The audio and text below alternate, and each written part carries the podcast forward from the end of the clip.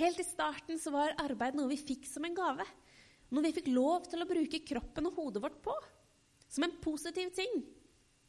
Arbeid er ikke et resultat av syndefallet, som kanskje noen vil påstå noen ganger. Det var før syndefallet. Før Adam og Eva valgte å spise av den forbudne frukt, så fikk vi arbeidet. Og det var jo ikke sånn at før syndefallet så dreiv Adam og Eva dank, at de bare ja, slang litt rundt og slappa og spiste litt som det passa dem. og koste seg. Det gjorde de òg. Men de var også da pålagt å arbeide som en gode de fikk. Men så kom jo da syndefallet, da. Vi begynte å kjenne forskjellen mellom rett og galt. Og på en måte så har kanskje forholdet vårt til arbeid kanskje sklidd litt ut. Fordi på mange måter Så i vårt samfunn nå så har vi jo alle muligheter. Vi kan få lov til å nesten gjøre hva vi vil. Og da starter du allerede når du er ferdig på ungdomsskolen. Da skal du velge hva slags type videregående man skal gå på. Og det er første valget som man har hvis man skal følge en vanlig skolegang. Til da så har det vært lagt opp for en. Så er det etter videregående, så skal du plutselig velge videre. Skal man da bli eh, rett og slett sykepleier? Eller skal man bli arkeolog? Eller kanskje man skal ta en helt annen vei og bli lærer? Og det står man da som en 19-20-åring og da skal velge ut ifra kanskje et heller tynt grunnlag på hva man skal bruke resten av sitt liv på og arbeide med. Og der starter vi da, de fleste av oss i hvert fall, vår arbeidsreise. Hvor vi får lov til å gå inn i en arbeidssituasjon. Og etter hvert da, så kommer mange av oss, de fleste av oss kanskje heldigvis, får lov til å komme i en jobb. Kanskje en jobb vi ikke trives så godt i, kanskje det er en jobb vi ja, liker arbeidsoppgavene, men målet med hele greia ser jeg nå ikke. Eller kanskje det er et fantastisk mål, bare at det du gjør, gir ikke helt mening. Eller det kan være andre ting som gjør at de bare Nja. Jeg har jo hørt noen sagt at nei, vet du hva, jeg jobber for å få fri. Jeg ser den. Fordi vi gjør jo på en måte det. Vi jobber jo sånn at vi skal få penger til å ha en god fritid også. Så den ser jeg, Og det er godt, det. For det er viktig for oss å ha en god fritid òg. Fordi livet inneholder mye mer enn å bare jobbe. Det gjør det, og det er jeg veldig glad for, og det skal det gjøre. Men allikevel så kan man ikke se på arbeidet, det å bruke seg sjøl, som en negativ side. Noe vi bare må gjøre av ork. Det er faktisk sånn at vi har fått det som en gave. Noe vi skal få lov til å gjøre. Som en positiv ting.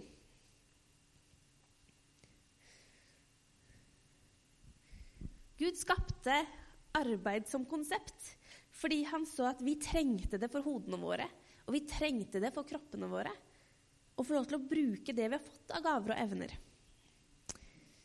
Så nå skal vi da se til ordspråkene. Og Da skal vi lese fra 6, 6 til 11. Denne har sikkert mange hørt før. Det er bare å følge på på skjermen. Det kan være at det er noen hakk noe. Og så neste. Ordspråk med seks. Gå til mauren og bli vis. Gå til mauren, du late. Se på den strev og bli vis. Enda den ikke har noen høvding, verken oppsynsmann eller herre, sørger den for mat om sommeren og samler inn føde om høsten. Hvor lenge vil du ligge, du late? Når vil du våkne og stå opp? Jeg vil sove litt til, en ørliten blund. Legge hendene sammen og hvile en stund. Da kommer fattigdommen som en farende fant, og nøden som en væpnet mann. Tenk det! Vi mennesker som er i utgangspunktet så tenker jeg at vi er jo intellektuelle intellektuelle skapninger. Vi blir bedt om å studere de bitte små maurene for å se noe de har og de gjør for å inspirere oss til hvordan vi skal arbeide. Det er nesten litt merkelig. Men allikevel så oppfordrer altså Gud oss til å se på noe av det de gjør. Og hva er det de gjør? Jo, de har en utholdenhet. De gjør det ikke fordi at de har en oppsynsmann, eller fordi sjefen sier at du skal, du skal, du skal og du må. Men de gjør det allikevel. De har en slags drive fordi de må jo høste mat. Og de må ha sånn at de kan klare seg for framtida. De fokuserer ikke bare på her og nå, for det er det jo andre dyr som gjør. De spiser i dag, og det er bra. Og så går det en stund på det, og så når de blir sultne igjen, så finner de et nytt byttedyr. Men mauren han, han, jobber jo jevnt og trutt, han. Litt og litt og litt og litt. Og så hamstrer han og ser framover, tenker på tida som kommer. Ser ikke bare på i dag, men faktisk planlegger så han har nok. Vi blir oppfordra til å se til mauren. Mauren har også en utholdenhet, en pågangsmot. Og han jobber jo ikke fordi han har håp om at han skal bli forfremma til øverstkommanderende, eller fordi han satser på at det blir litt prestisje hvis han har holdt ut eh, fem dager lenger enn eh, kameraten. Han jobber jo bare på uavhengig av de tingene rundt. Og det er jo fordi han er jo opptatt av mat og framtida, men han lever også i det han er skapt i og skapt til. I ordspråkene 27 står det 27, 23 til 27. Merk deg vel hvordan sauene dine ser ut, og ha omsorg for buskapen din. For rikdom varer ikke evig, og et diadem går ikke alltid fra slekt til slekt. Når gresset er borte, og hånet er blitt synlig, og fjellgresset sanker sammen, da har du lam og kan skaffe deg klær, og bukker til å kjøpe en åker for. Du har geitemelk nok til mat for ditt hus og til livsopphold for jentene dine. Rikdom varer ikke evig. For de av dere som var her forrige uke, så snakka Niklas om det med rikdom eller penger konkret. Og da også vet jeg at han nevnte nettopp det med at det varer ikke evig. Et diadem går ikke alltid slekt til slekt. Altså, Vi kan ikke bare hvile på det som vi har fått i arv, eller det vi har opparbeida oss, og ha det fint med det vi har, og tenke at da, jeg trenger ikke gjøre mer, jeg klarer meg. Men, men vi må merke oss hvordan sauene våre har det. Altså, vi må følge med. Vi må ha et fokus. Så vi har noe for tida som kommer, ikke bare for i dag.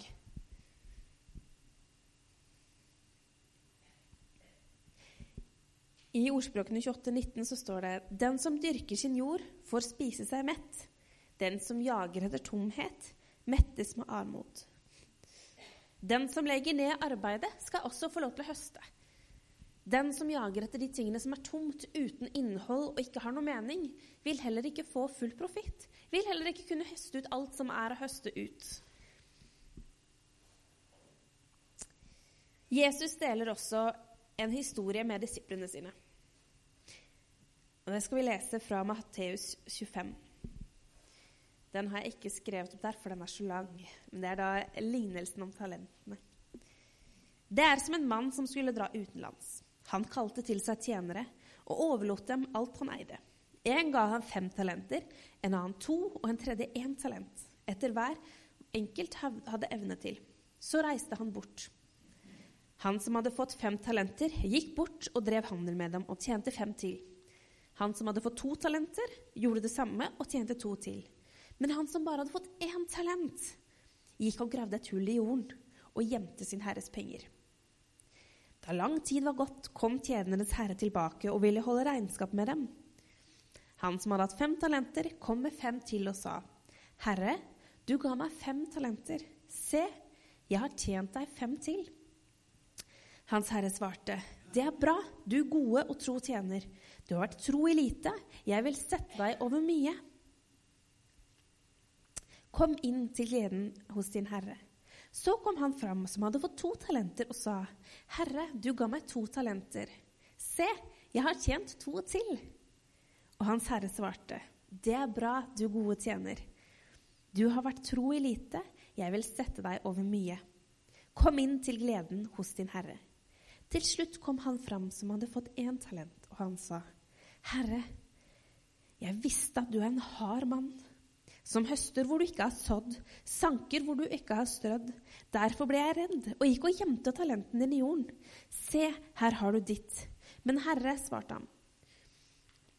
Men Herren svarte ham, du dårlige og late tjener. Du visste at jeg høster hvor jeg ikke har sådd, og sanker hvor jeg ikke har strødd. Da burde du ha overlatt pengene mine til dem som driver med utlån, så jeg kunne fått dem igjen med renter når jeg kom tilbake. Ta derfor talenten fra ham og gi den til dem han som har tid. For den som har, han skal få, og det i overflod. Men den som ikke har, skal bli fratatt selv det han har. Kast så denne unyttige tjeneren ut i mørket utenfor, der de gråter og skjærer tenner. Harda bud. Kast han utenfor i mørket, der hvor de gråter og skjærer tenner. Dette er jo da en lignelse som Jesus forteller disiplene sine og oppfordrer dem til å forvalte evangeliet. Han forteller dem jo hvordan han tenker at de har fått talentene, og han, de skal få lov til å arbeide videre til han kommer igjen. Og I dag så snakker vi ikke nødvendigvis bare om arbeid i forhold til å spre evangeliet, men arbeid generelt. Og uansett hva man gjør, så handler det nettopp det at vi skal få lov til å forvalte det vi har fått. Og vi skal arbeide deretter.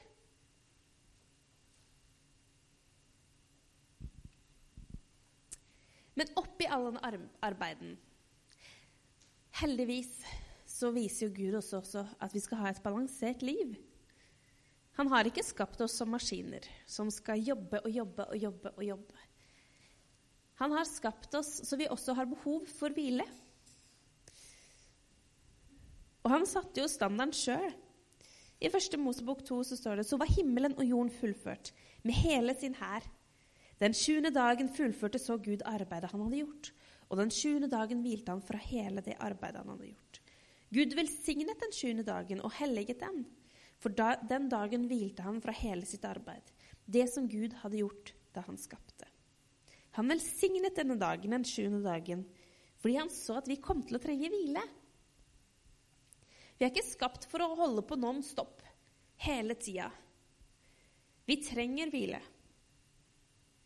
Og Gud har gitt oss her et eksempel på hvordan vi kan få lov til å leve et balansert liv. Hvor ja, vi skal få lov til å bruke evnene våre, kroppene våre, tankene våre til å utføre arbeid. Men vi trenger også da å hvile.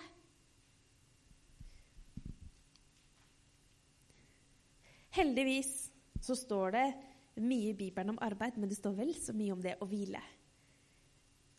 Det er kanskje i hvert fall noe jeg vet at jeg trenger å minne meg på.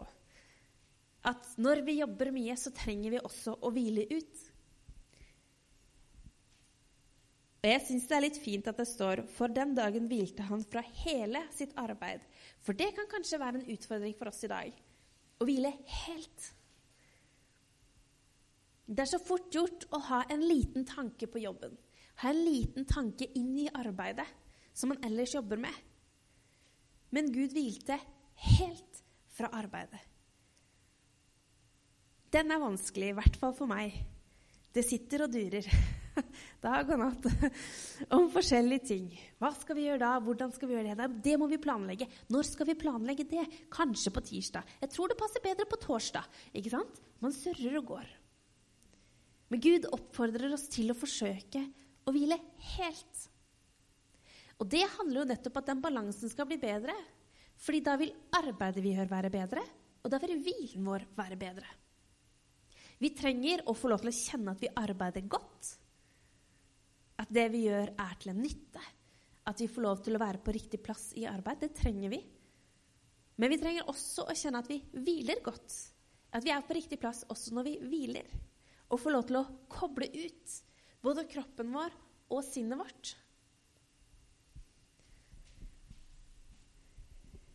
Litt sentralt i det med arbeid, og også det med hvile, så tenker jeg at da må vi jo klare å holde fokus på det vi skal gjøre.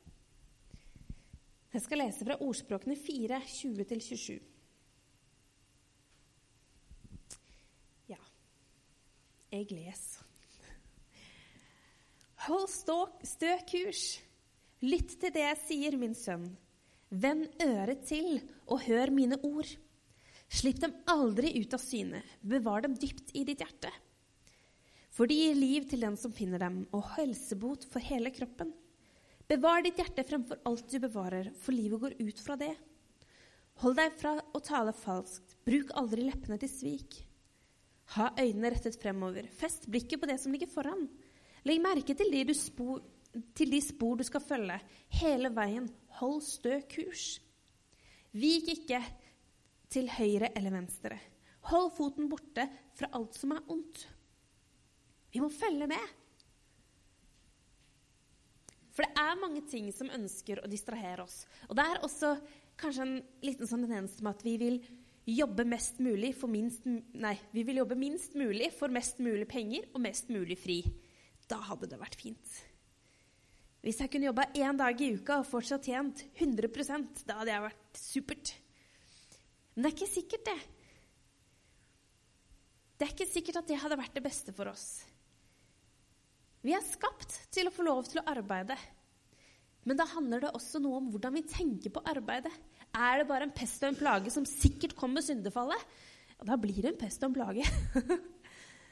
Men vi må få lov til å tillate oss å tenke at dette faktisk er godt. At vi er fått utrusta med en kropp som vi kan utføre fysisk arbeid med. Vi har blitt utvikla med en fantastisk hjerne som kan ha veldig flink med tall, eller kanskje pedagogisk, eller fungerer på forskjellige måter. Og det skal vi få lov til å bruke. Og det er godt for oss å bruke det. Det er sunt for oss å arbeide. Men det er nettopp det at vi må tørre å da holde fokus. Ikke vike frem og tilbake, men å faktisk stå og holde stø kurs. For det er også kanskje en, en fare som kanskje noen av oss havner i. Enten så er det det at man vil egentlig jobbe minst mulig for mest mulig. Eller så kanskje havner man i den grøfta at man nesten blir avhengig av jobben. At den blir så viktig at uten den så faller jeg litt bort. Og jeg tenker at det å holde stø kurs, det handler om å, da, å finne en middelvei. Det å anerkjenne verdien i det å jobbe, men samtidig fortsatt se at jeg er også viktig i meg, og at det har en verdi, det å hvile. Det å klare å balansere det på en god måte.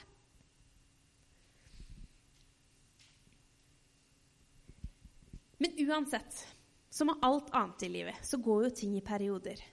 Noen perioder så kan vi få lov til å jobbe mye. Kanskje livssituasjonen vår tilsier at nå har vi mulighet til å få lov til å jobbe mye. Og det er ikke negativt å tenke ah, jeg syns det er gøy å få lov til å utvikle meg. Jeg syns det er gøy å få lov til å klatre på en karrierestige. Det er ikke det som er negativt. Men det må ikke være mål i seg sjøl. Hvis man ikke klatrer, så har man ikke hatt suksess. Hvis man ikke får en prestisjefylt jobb, så har man ikke noen verdi. Sånn skal det ikke være. Men man skal få lov til å bruke hele sitt potensial. Ja, det skal man. Men allikevel så skal vi få lov til å bruke etter de evnene vi har fått. Akkurat som med de talentene. Han som fikk fem, hadde fått mye å forvalte. Og han som bare hadde fått én, hadde ikke fått så mye, men det var fortsatt enorm verdi i den ene talenten. Én talent, hvis den var av gull, var verdt flere millioner i dag. Hvis den var av sølv, så var det flere hundre tusen. Sett at du fikk en liten sånn som du skulle få lov til å forvalte. Du vet ikke hvor lenge, men du skal passe på den, og du skal forvalte den. Så klart har jo den som har fått fem, enda mer å forvalte. Men jeg vil ikke si at den som bare har fått én, ikke er viktig, eller ikke har en jobb å gjøre allikevel. Den ene må også forvaltes på en god og vis måte. Og i livet, da, når vi går i perioder og sesonger, at noen ganger kan vi jobbe mye, så er det også andre perioder vi skal få lov til å hvile mer. Og det som er fint, er at da kan vi få lov til å hvile i hvilen.